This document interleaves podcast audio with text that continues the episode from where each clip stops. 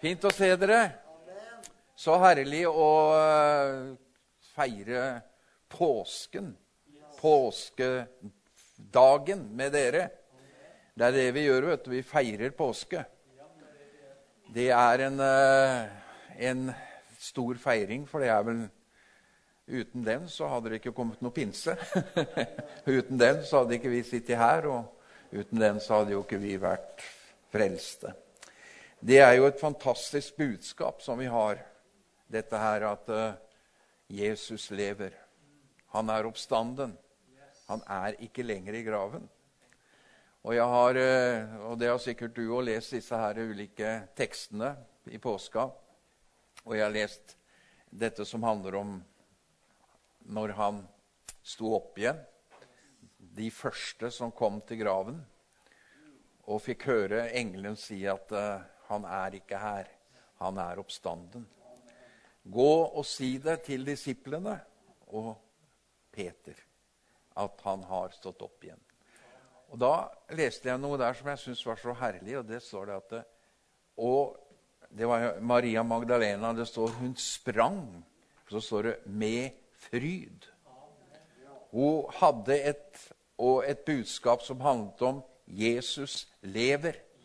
Og det var fryd. Det var fryd. Så i kveld så har vi grunn til å fryde oss. Det er ikke noe begravelse her i kveld. Det kan hende det er noen andre dager. Hvis du skal døpe deg, så, så er jo det en slags begravelse. men, det er, men, det er, ikke det jeg skal preke om. Men eh, du vet jo at eh, vi forkynner det gode budskap, og vi forkynner det glade budskap. Med fryd. Vi hadde jo en eh, pastor i Heddal. Sønnen hans som har vært der i mange år. Sverre Granlund. Men faren hans het vel Arne Granlund. Han var også mange, mange år i Heddal. Og han, han, han, var en sånn predikant, så når han preka, så smilte han hele tida. Og han lo liksom innimellom. Han, jeg, jeg, så aldri han liksom Han var glad hele tida. Så Han pleide gjerne å si at jeg, jeg skulle egentlig ikke het Granlund, sa han. Jeg skulle het Frydenlund, sa han. For det, hadde liksom passa mye bedre til navnet. Men eh, sånn er det. Eh, vi skal få slå opp i Bibelen. Vi skal slå opp i Johannes evangeliet, kapittel 21.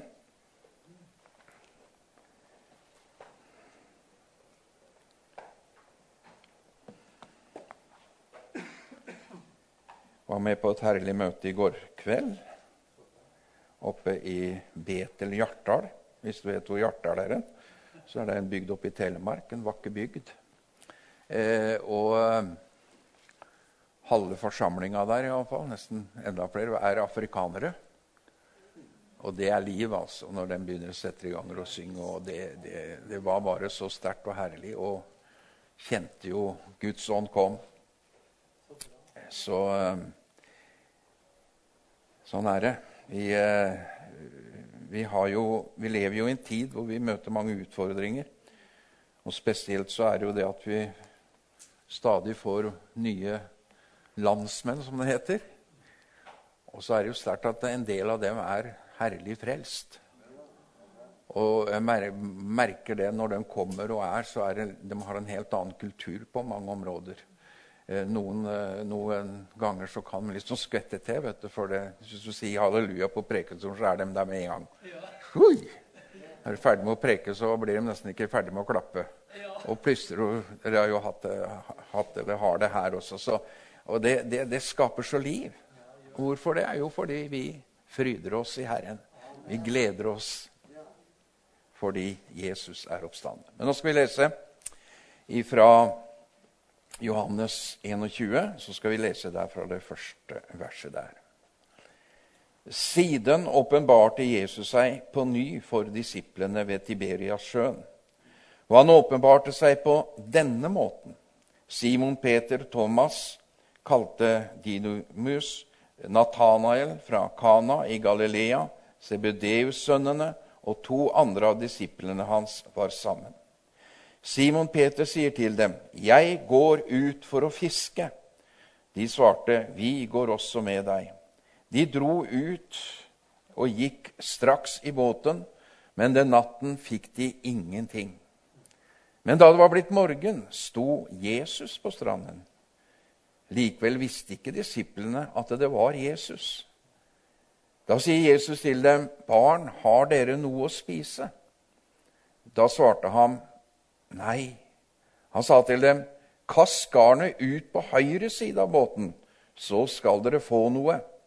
Så kastet de garnet ut, og nå var det ikke i stand til å dra inn garnet på grunn av mengden av fisk. Den disiplen Jesus elsket, sier da til Peter, 'Det er Herren.' Da Simon Peter hørte det, var Herren, tok han på seg ytterplagget sitt, for han hadde tatt det av, og kastet seg i sjøen. Men de andre disiplene kom i den lille båten, for de var ikke langt fra land, bare omkring 200 alen, og dro med seg garnet med fiskene i. Så snart de var kommet til land, så de at det var en, en kullild der, og fisk som lå på den, og brød. Jesus sa til dem, 'Kom med noe av fisken dere nettopp har fått.' Simon Peter gikk om bord og dro eh, garn i land, og full av store fisker, 153 i tallet. Selv om det var så mange, hadde ikke garnet revnet. Jesus sier til dem, 'Kom hit og hold måltid.' Men ingen av disiplene våget å spørre ham, 'Hvem er du?' For de visste at det var Herren.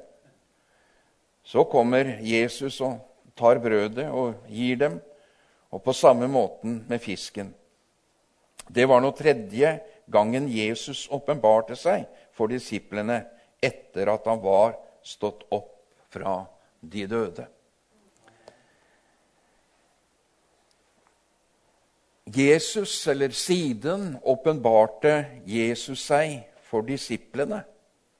Og det står her han åpenbarte seg på denne måten.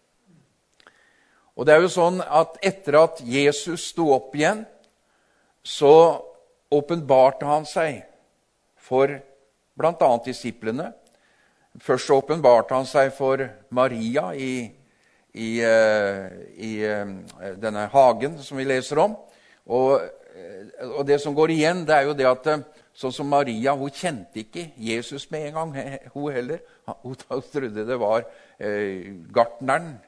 Men så sier Jesus til henne Han bare sier 'Maria'. Og da Da så hun Det er jo Jesus. Og hun sa 'Å, Herre' er det, det er Jesus. Og så leser vi om at uh, han gikk med Emmaus-vandrerne, som vi kaller dem. Og Dem heller kjente ikke Jesus med en gang. Jesus vandret med dem, og Jesus, uh, Jesus sa, eller de sa har ikke dere hørt, har ikke du hørt om det som har skjedd? For de prata akkurat om det som hadde skjedd. Og så kjenner vi historien at Jesus tok inn sammen med dem og han åpnet Skriftene for dem, og de så Jesus. Jesus blei åpenbart for dem. Og så var det den, også en veldig kjent historie. og Jeg vet ikke om du husker påska i fjor? for Da var vi eh, innestengt. vet du. Da var det koronaen, og det var eh, sånn at vi, vi kunne ikke ha møter som vi har her eh, i kveld. Så det er herlig å være her i kveld vet du, og kunne komme sammen. og sånt. Men da, da, var jeg her nede og preka i påska da òg. Men da var, ingen, da var det Jarl og noen få til som var her. Og da, da var det fordi at vi var innestengt. Og Sånn var det også med disiplene, ikke pga. korona eller pest, eller noe sånt, men eh, disiplene var også stengt inne i frykt for jødene, står det.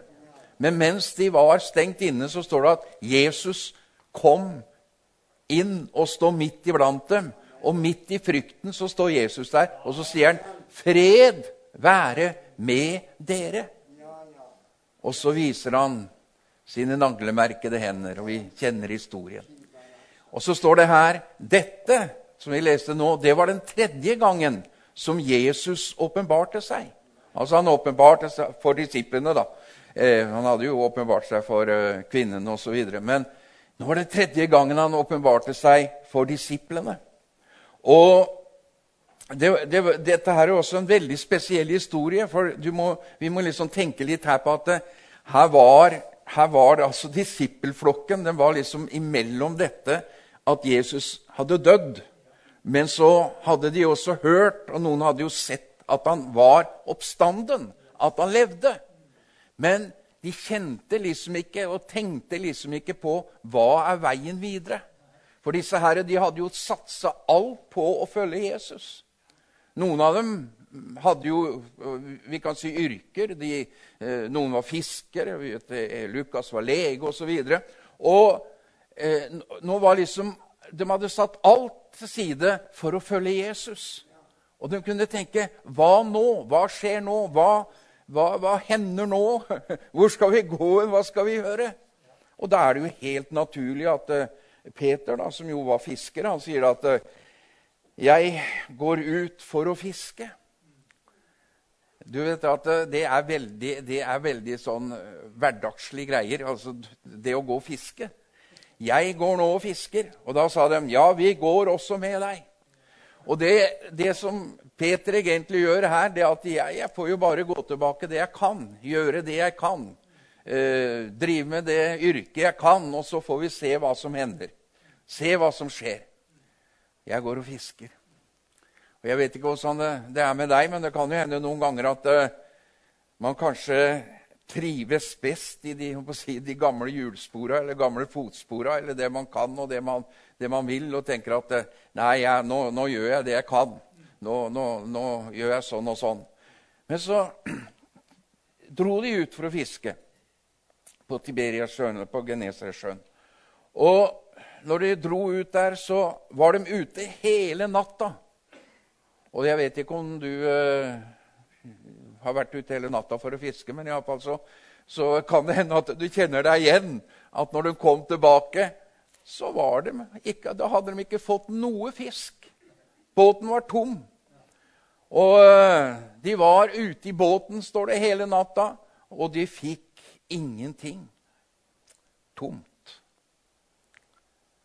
Men da de kom inn til, mot stranda og liksom skulle til å legge til da, litt, De var jo litt fra land. Så, så ser de en som står på stranda. De ser en uh, menneske der som står der, og det er Jesus. Men da det var blitt morgen, sto Jesus på stranden. Likevel visste ikke disiplene at det var Jesus.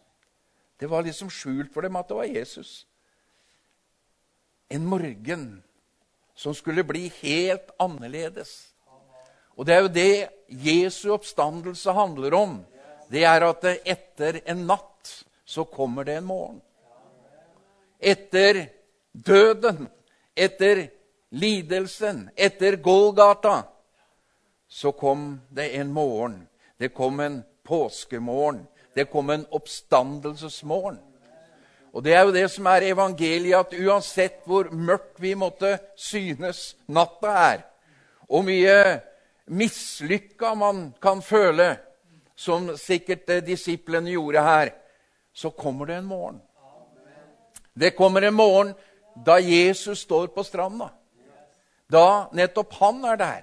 Og kanskje ikke du kjenner det eller ser det, men Jesus er der. Og hvis du tenker at det, å, det er så mislykka, det jeg holder på med, som jeg er Det er en sånn mørke, mørkt i livet mitt. Så har jeg lyst til å si det til deg her i kveld. Det kommer en morgen. Det er en morgen hvor Jesus står på stranda. Og så sier Jesus, 'Barn, har dere noe å spise?' Og de svarte ham nei. Altså, har, har dere fått fisk? Har dere fått noe mat? Nei, de hadde ikke, de hadde ikke fått noe. Det, det, det var helt, det helt mislykka. Og ja, det er jo sånn når man har vært ute og fiska, så kan det jo hende at eh, når du ikke får noe fisk, så kanskje du prøver å ljuge på deg litt fisk.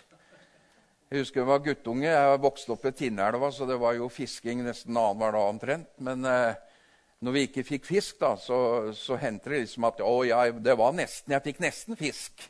Jeg hadde napp. Jeg kjente det røkka i snøret. og Det var stor, storfisk etter det. og liksom sånn, og Noen uh, til og med dro innom en fiskebutikk vet du, for å ha med seg noe hjem.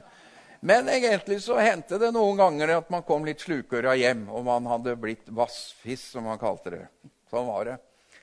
Her var også disiplene, Peter og de andre, veldig ærlige på det og sa det at ja, det her er det, her er det tomt. Det er ikke, Vi har ikke fått noen ting. For at når Jesus kommer, og når Jesus står der på stranda, og han spør oss om noe, da er det viktig at vi og våger å si åssen det er. Ja, det er tomt, Jesus. Jeg har, ikke, jeg har ikke kjent noe på lenge. Jeg har ikke merka noe på lenge. Så det, jeg, det, jeg har det ikke så greit. Det er jo det, derfor Jesus står der. Det er derfor Jesus er der. Men de kjente ham ikke igjen. Når Jesus åpenbarer seg her, som det står for tredje gang, så skal du legge merke til at Jesus åpenbarer seg på forskjellige måter til dem han kommer til. Han kommer ikke her og sier 'fred være med dere', 'fred være med fisketuren deres'. liksom. Men det gjorde han når de satt innestengt og i frykt. Så kom han inn med fred. Og så fortalte han at de skulle sendes ut osv. Eller når han gikk sammen med Emmaus-vandrerne, så åpenbarte han Skriftene for dem og var sammen med dem, holdt måltid sammen, og så så de ham. Men eh, når vi leser her, så åpenbarer han seg på denne måten. Og Jeg delte dette i Hjartdal i går òg, og jeg sa det at eh, Jesus han er en som kommer og står der når vi har hatt en natt på morgenen. Jesus, og Når vi leser denne historien her, så er det Jesus som kommer inn i hverdagen. Og du vet, du og sikkert mange her, og jeg sjøl har jo opplevd Jesus på mange ulike måter. Sterke møter. Jeg har vært med og sett kampanjer hvor mennesker har opplevd sterke helbredelser. og Mennesker har blitt satt fri, og det er bare halleluja, Herre, vi kjenner Der er Jesus, altså! Men noen ganger, og kanskje noen av de sterkeste møtene, har vært når Jesus har kommet inn i hverdagen og gjort noe i hverdagen. Og nettopp det er det Jesus gjør her. For plutselig så sier Jesus kastet, kast garnet ut på høyre side av båten. Så skal dere få noe. Så kastet de garnet ut, og nå var det ikke i stand til å dra inn garnet pga. mengden av fisk. Ja, tenk, tenk deg å vært ute hele natta og fiska og stått på. De har kjent det mange ganger på dette garnet, men det var tomt. Og de var sikkert slitne òg når de ordna med båten opp der. Og så sier Jesus det at Eller han som sto der, da. For de så jo ikke med en gang at det var Jesus. Så sier de så skal du dra ut igjen. Og så skal dere kaste ut garnet på høyre sida. Ja det, det, høres jo veldig rart ut da, hvis man har vært ute og fiska hele tida, og, og, så kommer du inn, og så skal, du, skal, du, ut igjen, og så skal du bare fiske på den andre sida av båten. Altså, jeg, jeg, tenker litt sånn, jeg vet ikke om du tenker sånn, men jeg tenker litt sånn at det var jo ikke så veldig stor båt. Eller? Det sto at det, det, det, var en liten båt, det var ikke store båten. Så jeg tenker at det er masse fisk der. På, på høyre side må, måtte det ha vært mye fisk på venstre, venstre side når de var ute. Eller, eller jeg vet ikke. Men det kan jo du tenke på når du kommer hjem fra møtet i kveld. men der så, så, står det med en gang Det var ingen protester. Det var oppi båten, det var ut igjen, og så kasta han dem ut på høyre side. Å, da skjedde det et under. Da skjedde det et mirakel. Halleluja! De kjente plutselig Å, her er det fisk! Og da visste de, da visste de hvem det var som sto der på stranda, som hadde ordnet det der på stranda det var jo Jesus. Det var Jesus som åpenbarte seg. Og så, og så det han sier Nå må dere gjøre noe som er annerledes. Som er liksom helt imot det naturlige. For det er klart, det skulle jo vært li, lite, lite, fisk på høyre side som på venstre side. Men de kjente antagelig igjen røsten og tankene. Nå skal du gjøre noe helt annerledes. Ikke så veldig annerledes, da, de skulle jo fiske på samme måten. Men de skulle bare kaste ut på høyre side. Nei, men de kunne ha sagt at nei, vi fisker på venstre side. Vi er venstrehendt. Nei da. vi, vi, vi, vi, holder på med det vi har alltid gjort. Vi fisker på den måten. Det er sånn det skal være. Nei, nå skal dere gjøre noe annerledes, sa Jesus. Nå skal dere kaste ut garnet på høyre side. Nei, aldri, aldri i verden. Det kommer ikke til å gå. Vi har jo prøvd hele natta. Nei, det var ingen protester. De gjorde som Jesus sa. Du vet, Jesus, når han åpenbarer seg her, og når vi tenker på at Jesus åpenbarer seg, og man kan møte, og de møter Jesus som den oppstandende, levende, han som hadde vært død, så er jo klart det at det, her kunne det Man tenker sånn at Jesu oppstandelse og når Jesus taler, og Jesus kommer med sitt liv, så er det, da er det alltid sånn at det skal liksom sprake veldig. Det, det, da, da, skal det være liv, og det skal være masse ting. Og det er det jo. Og det har vi opplevd mange ganger, og det skal vi ha når Jesus kommer. Men det er veldig herlig også når Jesus kommer her, inn i hverdagen. Inn i liksom det mønsteret vi er så vant til, og måten vi lever på. Og så plutselig så hører du en røst som taler til deg, som sier at nå er tiden kommet da du skal gjøre noe helt annet i livet. Ja, men jeg har jo fiska på den måten hele livet. Jeg har vært ute hele natten, så det, det kommer ikke til å gå. Jo, sier Østen, nå skal du gjøre noe annet. Og mange ganger når man våger Jeg husker, jeg husker den tida hvor det var veldig sterke fornyelser i, i pinsemenigheter. Og vi sto på eh, rundt omkring og hadde sånne fornyelseskonferanser og møter. Og Jeg var jo i Stavanger den tiden sammen med Arnfinn Klemmensen. Og jeg husker Han sa noe. Jeg tror han faktisk ga ut en bok eller et eller annet om dette her, fornyelse. Og da sa han det at en, en kristen eller en menighet stanser opp når eh, liksom visjonen eller målet eller svaret blir Når man blir utfordra, så svarer man 'Dette har vi aldri gjort før'. Du hørte den? Husker det? Og det er så sant. For i det øyeblikket vi låser oss i et mønster og tenker sånn og vi hører noe nytt, eller vi hører, hører Guds røst, eller Gud utfordrer oss, så blir kanskje svaret dette har vi aldri gjort før. Tenk om Jesus kommer og utfordrer deg. Han står der på stranden, og så sier han, 'Nå har du prøvd, og du kom jo ingen vei, og garnet er tomt, og natten har vært lang, og du er trøtt.' Men Jesus sier, 'Nå skal dere gjøre noe helt annerledes.' Skal kaste ut garnet på høyre side. Når jeg var nyfrelst, og jeg hadde jo fått meg en, en, eh, en ganske bra jobb Far min var så stolt av det at jeg hadde fått, fått en skikkelig jobb eh, etter jeg hadde gått yrkesskole. Og jeg fikk jobb på bilverksted på Tinnfoss jernverk. Det var en veldig trygg og, og bra arbeidsplass på den tida.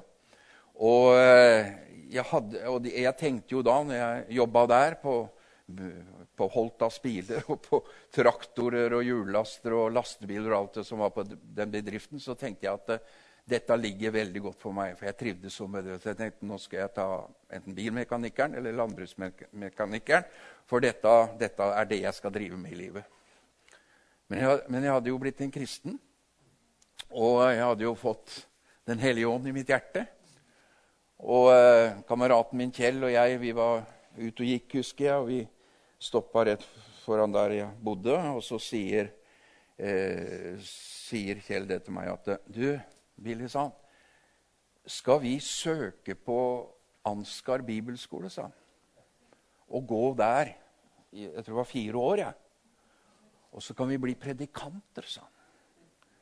Tenkte jeg, Det er det mest tullete jeg har hørt nesten hele mitt liv. Jeg skal jo bli bilmekaniker. Jeg skal jo bli, skal bli reparatør. Liksom, det, det, der, der, ligger jeg. Men uh, samtidig så kjente jeg det var noe der. Jeg kjente noe der. Jeg hadde aldri holdt noen preken før. Jeg hadde vel knapt vitna litt da. Men tenk at det der slapp meg ikke. Det slapp meg ikke. For det var som Jesus sa, at eh, du skal kaste ut garnet på høyre side. Du skal gjøre noe som er helt annerledes. Eller det du tenkte det skulle bli.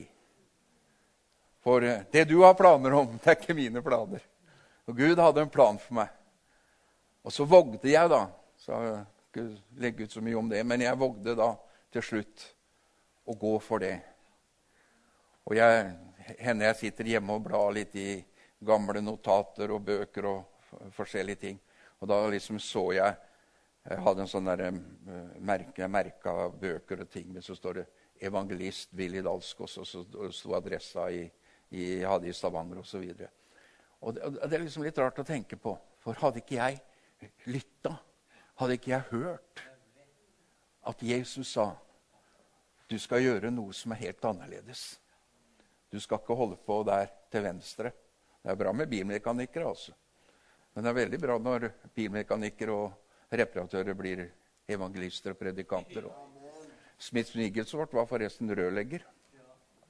Men han ble jo en veldig sterk vekkelsesevangelist. Kast ut garnet på høyre side. Gjør noe som er annerledes.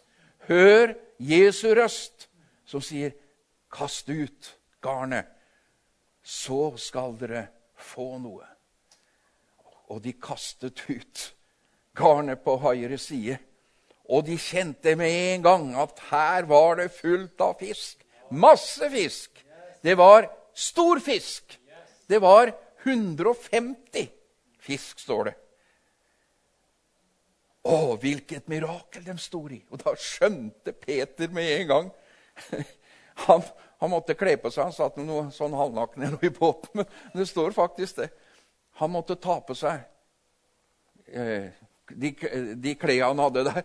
For han så og kasta seg ut i vannet og sa, 'Det er Herren. Det er Jesus.' For det er bare Jesus som kan gjøre sånne mirakler. Sånne mirakler.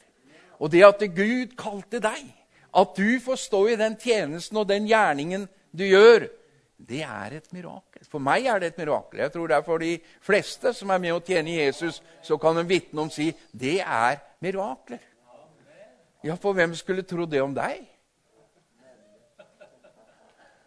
Ja, hvem skulle tro det om meg? Det er nesten ingenting som er så morsomt som å komme på sånn klassefester. Det er, det er, det er moro. Og jeg, Stort sett så er jeg veldig stille på de klassefestene. Jeg prater jo med folk, men jeg, jeg har liksom, sjelden jeg har liksom ikke tatt ordet. Men det gjorde jeg på sist klassefest. Da tok jeg ordet og, og fortalte litt, eller historier eller ting fra skolen. og liksom forskjellig. Og, og det er jo liksom det, det, det, underlige der. Det blir nesten sånn der sketsjen til han Wesenlund Fleksnes, vet du, som skal ha disse guttene han har vært i marinen med. Du har sikkert sett den. Og da kommer jo han, han som har vært verste vet du, i, i marinen, han som fant på alt det forferdelige tinga, liksom. Han kom, og han var prest. Han hadde sånn prestekrag på seg. Og litt av den følelsen får jeg komme jeg, jeg kommer der altså i liksom klasse 7D. Vi har, vi, har, vi har, hatt fester altså jeg vet ikke hvor mange, jeg tror vi har hatt fem-seks ganger. Nå, nå, begynner vi å bli så gamle, du, nå tør, vi, nå tør vi ikke å si er det fem år til. Først hadde vi ti år til neste gang, og så ble det fem år til neste gang. Nå har vi to år til neste gang, for vi begynner å bli så gamle. Og jeg tror det at det, neste gang der igjen så er det ett år. Og så må vi treffes annenhver måned snart. Så vi, som runder 80 år, vet du, da, da, da, da er vi liksom der. Men, men det som er så artig, det er jo liksom alle de spørsmåla Jeg må ta med det òg, at lærerinna vår lever fremdeles. Ja, ja. Og hun ser jo ut som hun går i klassa. For uh, Bibi, som de kalte henne, Birgit Fossa, hun var, hun var den uh, første hun, altså det, det, var første klassa hun hadde, og var klasseforstander for. Det var oss. Så det er litt sånn spesiell kjærlighet der. Og hun har jo vært en kristen og en aktiv kristen i, i kjerka på Notodden i mange år. Og det å sitte med disse og så spør dem hvordan kunne det ha seg? Hva er det du har gjort? Hva slags utdannelse måtte du ta? Hvordan? Og da, jeg, da, får jeg en anledning til å, til å, si det. Og til og med når jeg går, har gått ut fra sånne fester Jeg husker Sist jeg gikk ut, så sier, hva er det som sier til meg at ja, jeg, ser jo du har møter, så jeg, jeg, har så lyst til å komme og høre deg. Jeg så liksom komme på et møte. Ja, men det er du vel kommet til. Altså, du får den kontakten, og du får den opplevelsen. Men jeg hadde aldri vært der hvis jeg ikke hadde kasta ut garnet på høyre side. For det var jo noe annet jeg ville. Det var jo et annet liv jeg hadde lagt opp til å leve. Men Gud har noe sterkt for deg når du våger å kaste ut garnet på den høyre siden. Garna var fullt av fisk. Å, det er ingenting som er så herlig å være på fisketur og få fisk. Nei. Amen! Jeg bare tuller med deg, Runar. Du vet, du vet Han kjent Å, her er det fullt med fisk. Og så kommer dem og så sier Jesus Det står at Jesus han hadde gjort opp ild. Kullild, står det. Og jeg, jeg, liksom, jeg, jeg, liker jo veldig godt å, Når jeg leser i Bibelen, så, så, legger jeg merke til ting sånn, som jeg grunner litt på. Og så Kanskje du har svaret på det, en av dere som er så høyt teologisk utdanna her. Så, så, så tenker jeg på det at det står at Jesus hadde noe fisk der, og noe brød der, som liksom lå der allerede. Han hadde fått opp varmen der. Det var klart der. Han hadde gjort det klart. Han hadde gjort det klart til måltid. Kan du se? Jesus var så interessert i dem. Hverdagen deres, livet deres. At de skulle oppleve virkelig Jesu nærhet på den måten. For vi tenker jo sånn at når Jesus åpenbarer seg, Jesus lever, så er det jo en, en veldig skikkelse liksom, hvor han kommer svevende, jeg vet ikke hva. Og, og, og, det, og det, kan hende han kan gjøre. Men her kommer han inn i hverdagen. Han har nørt opp ild. Han har lagt eh, eh Det var noen fisker han hadde der, og det var noe brød der. Og så sier han, 'Må dere komme med noe fisk som dere har fått her?' Ja, ja, det måtte vært en, en altså det, det, var jo herlig når Jesus gikk gjennom veggen og sto midt iblant dem. Eller han åpenbarte seg for Emmausvandreren eller, eller de andre. Men dette her var så hverdagslig. Å, jeg har så lyst til å si det til deg her i kveld. Det er så herlig med Jesus. For du skjønner, Jesus han kommer også inn i vår hverdag. Interessert, elsker oss, møter oss akkurat der vi er. Men fremfor alt så møter han oss akkurat i det behovet vi trenger. Han åpenbarte seg igjen på denne måten. Kanskje vi sitter og venter på at Jesus skal åpenbare seg, som han gjorde den gangen i 1993, eller når det var. Eller den gangen, husker jeg. Og Det er veldig fort gjort vet du, at man kan dvele ved det som var hele tida. Og så glemmer man at Jesus Kristus er i går og i dag den samme. Og han blir det inntil en evig tid. Så vi takker Gud for alt som har vært. Priser Herren er takknemlig for det vi har fått oppleve. Men det er noe mer. Det er noe mer. Når Jesus kommer inn i hverdagen, og uh, han uh, sier til Peter og de andre kom, kom med mat. Kom med det dere har. Det måtte vært en underlig opplevelse for Peter. Jeg tenker på Han sto der eller satte seg der ved kullilden. Det var ikke så mange dagene i forveien han hadde stått ved en kullild òg. Det var helt annerledes. For da var han så redd for å bli avslørt at han fulgte Jesus. At han var en av hans disipler. Og Vi kjenner historien, sikkert lest den nå i påska. Men en som sto der og varma seg på ved kullilden. Så, så er det en ung jente som sier var ikke, du også med denne mannen fra Nasaret, denne Jesus? Er ikke du en av dem? Og Peter sier nei, nei, jeg kjenner ikke han. Og så spør hun en gang til. Og så står, så står det til og med det at eh, den spurte tredje gang, så står det at Peter han banna på. Faktisk så sterkt at han ikke var en av Jesu disipler. Men da går hanen tre ganger. Og da kom Peter i hu hva Jesus hadde sagt. Før hanen galer skal du ha fornekta meg tre ganger. Så var det en litt sånn småskjelvende Peter som sto der ved, ved ilden som Jesus hadde tent opp nå. Men samtidig så kjente han en, en blanding av fryd også inni hjertet. For du vet, han fikk en spesiell hilsen. For når de kom springende i fryd fra den tomme grava, så hadde engelen sagt, 'Gå og si til disiplene og hils Peter at Jesus lever. Han er oppstanden. Ja, halleluja! Da kan jeg vel sette meg ned her, da likevel. Jeg er blant disiplene. Jeg er godtatt. Jesus, her er fisken. Her er fisken. Her er maten.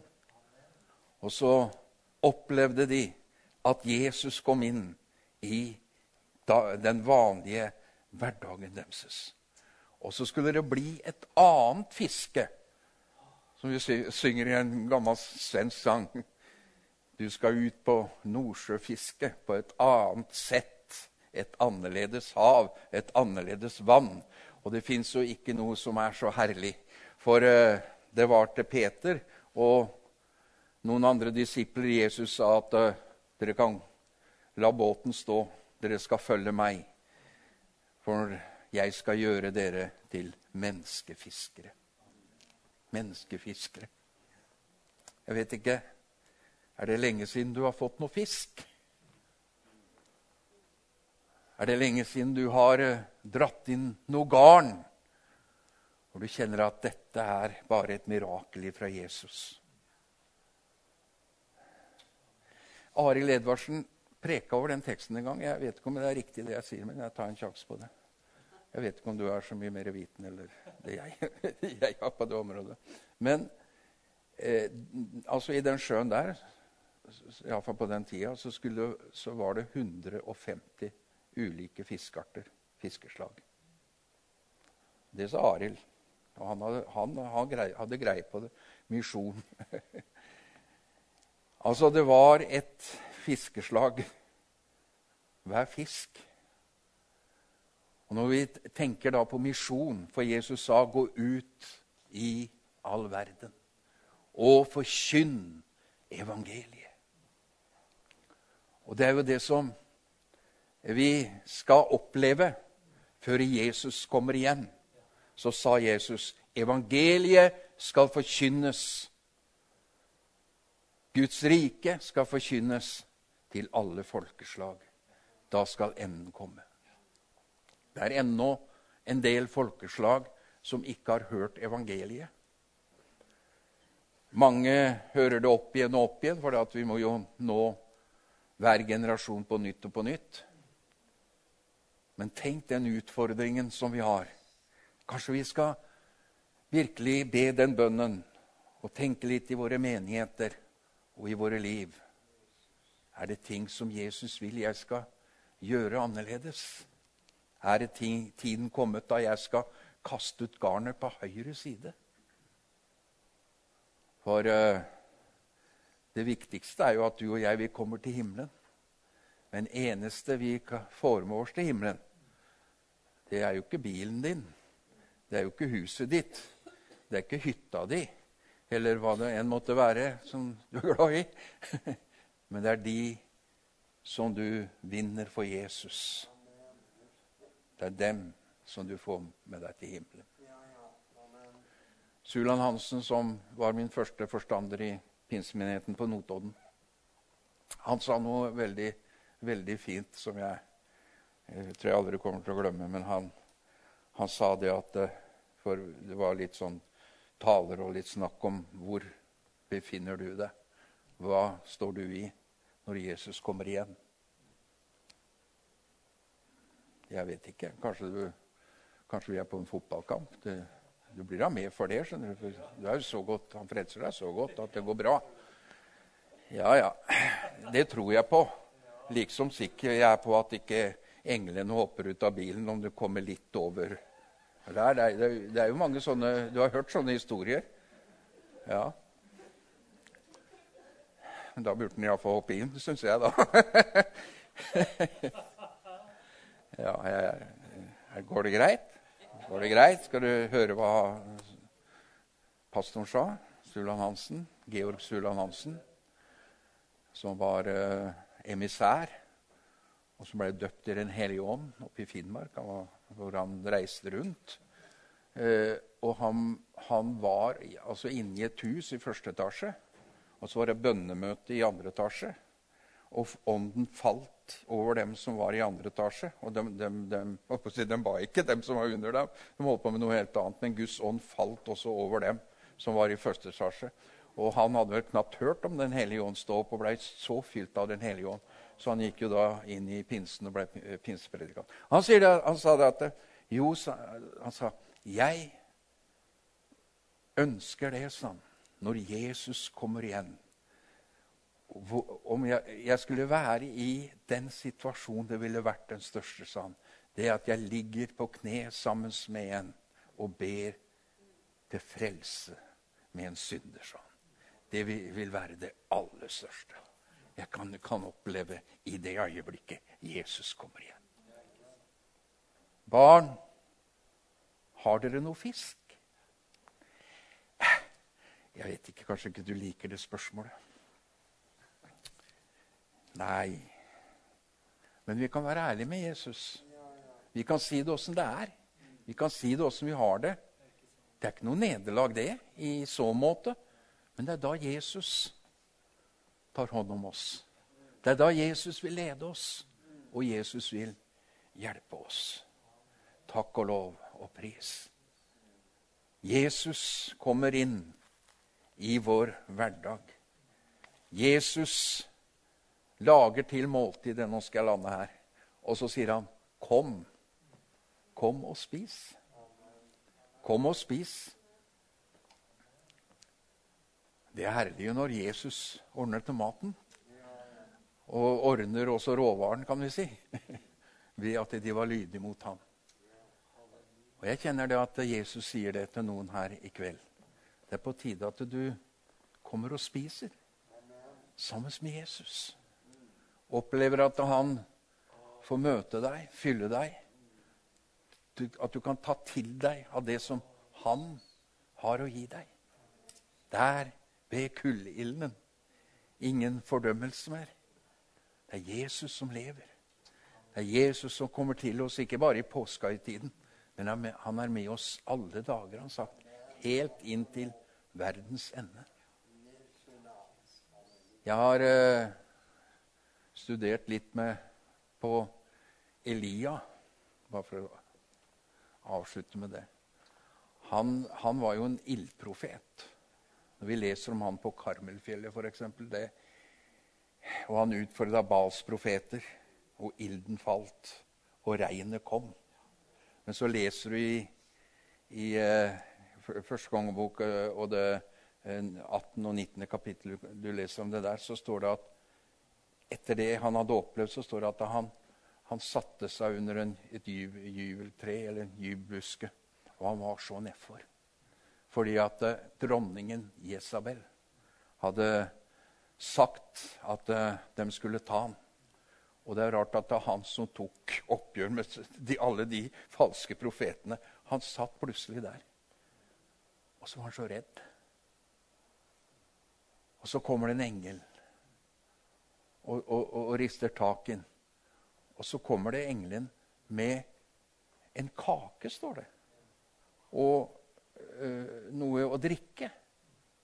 Vann å drikke. Jeg tenkte ja, men kunne ikke det vært litt mer ild der og litt mer sånn spraking der og mer liv der? Og engelen kunne ha sagt nå går vi imot Jesabel, og nå, nå tar vi det liksom. Nei, det var viktig for han at han kunne reise seg. Amen. At han kunne gå videre. Og slik er det. Jesus kommer også inn i hverdagen. Og da kjenner vi Å, Jesus, takk at du taler til oss. Takk at du møter oss. Takk at påske og påskemorgen, din oppstandelse, det er Jesus. At du også er interessert i de små tingene i livet. Skal vi kaste ut garnet på høyre side?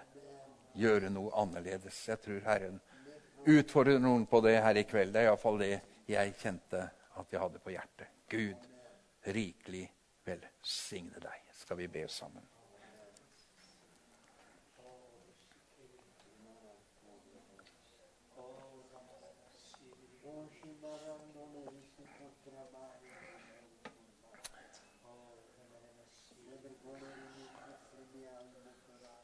Å, Herre. Takk at om vi har vært ute hele natta Det har vært mørkt. Det har vært tungt. Så står du der, Herre, på stranden. Å, vi priser deg, Jesus. Da morgenen kom, så sto du der, Jesus. Og så taler du og så skjer miraklet, Herre. Herre, du kjenner våre hjerter. Du kjenner om vi eh, har tomme garn, Herre, og det er lite fisk. Men Herre, du kommer på nytt og på nytt igjen, Jesus. Og så møter du oss, for du er rik nok for alle som påkaller ditt navn. For du utfyller vår mangel i herlighet, Herre. Og den som har liten kraft, får stor kraft ifra deg, Herre. Takk at du berører oss her i kveld, Jesus, med din oppstandelseskraft, Herre. Takk at det, eh, det skal sies om denne menighet, om våre liv, at du, Jesus, du åpenbarte deg på nytt igjen. Og du åpenbarte deg på denne måten. Og du vet akkurat hva den enkelte behøver, Herre. Derfor så ber vi deg at din strøm av ånd og kraft skal fylle oss. Vi ber at du skal fylle oss med din kjærlighet. Vi vet at du har utøst den i våre hjerter, Herre. Herre, vi ber at du skal lede oss til mennesker som trenger deg, Herre. Som er behov av deg, Herre. Jeg priser deg, Jesus. Halleluja. Takk at du skal åpenbare din herlighet iblant oss. Du åpenbarte deg på denne måten. Kanskje bare et hvisken av navnet. Kanskje du går igjennom de stengte dørene, og vi får røre ved deg. Eller du åpner våre indre øyne når vi leser Skriftene, og så ser vi deg i Skriften, Herre. Takk og lov. Halleluja. Vi gir deg ære, vi gir deg pris, Jesus. Jeg bare ber din velsignelse over den enkelte. Jeg nedber din velsignelse, Jesus, over alle. Takk for dette sterke ordet som vi har fått delt i kveld, Herre. Ordet ditt som er levende og kraftig. Det går inn og skaper noe. Takk og lov, Jesus. Vi vil følge deg.